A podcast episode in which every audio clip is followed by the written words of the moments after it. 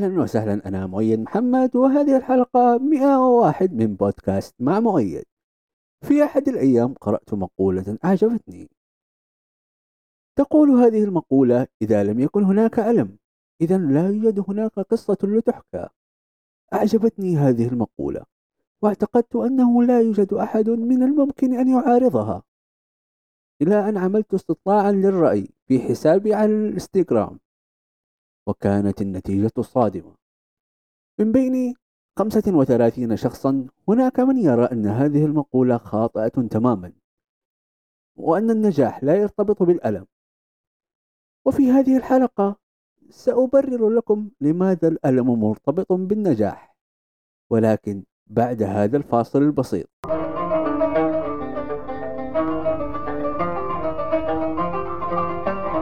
الآن سوف نبحر إلى عالم الرياضة تحديدا عالم الفنون القتالية المختلطة مع المقاتل براندون مارينو.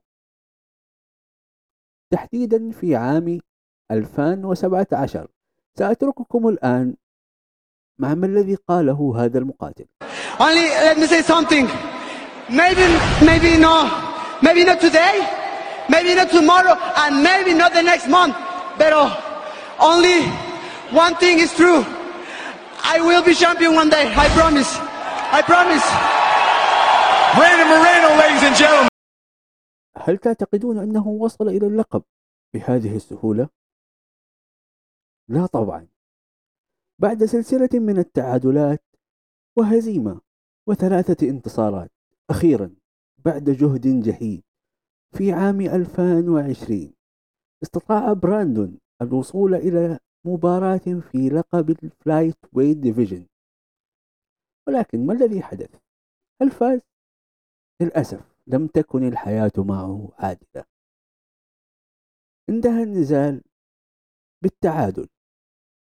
وأخيرا بعدها في عام 2021 استطاع تحقيق اللقب. بعد معاناة طويلة. ولكن تذكروا كلامه جيدا. ليس اليوم وربما ليس غدا ولا بعده لكني سأصل حتما إلى هدفي.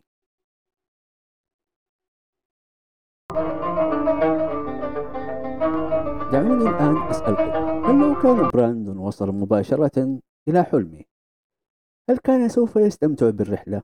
عزيزي عزيزتي إن الألم هو شيء مقدر لنا. وبدونه لما كان للفرح معنى ولا يوجد أحد في هذه الدنيا لم يذق طعمه ومن يقول أنه وصل إلى القمة بدون خسائر أو تضحيات. كما نقول في السعودية هذا شخص يخاف من العين.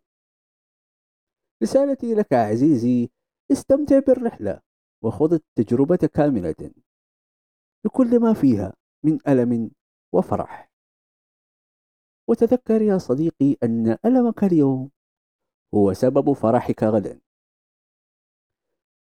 وفي النهاية إذا أعجبتك الحلقة شاركها مع جميع أحبابك.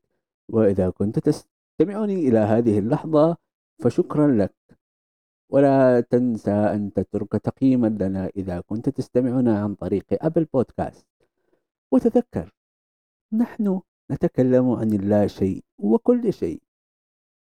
إلى اللقاء في الحلقة القادمة الأسبوع القادم بعنوان عودة أيمن.